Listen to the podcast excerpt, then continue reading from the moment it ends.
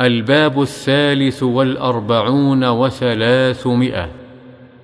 عن أبي الجهيم عبد الله بن الحارث بن الصمة الأنصاري رضي الله عنه قال قال رسول الله صلى الله عليه وسلم لو يعلم المار بين يدي المصلي ماذا عليه لكان أن يقف أربعين خيرا له من أن يمر بين يديه.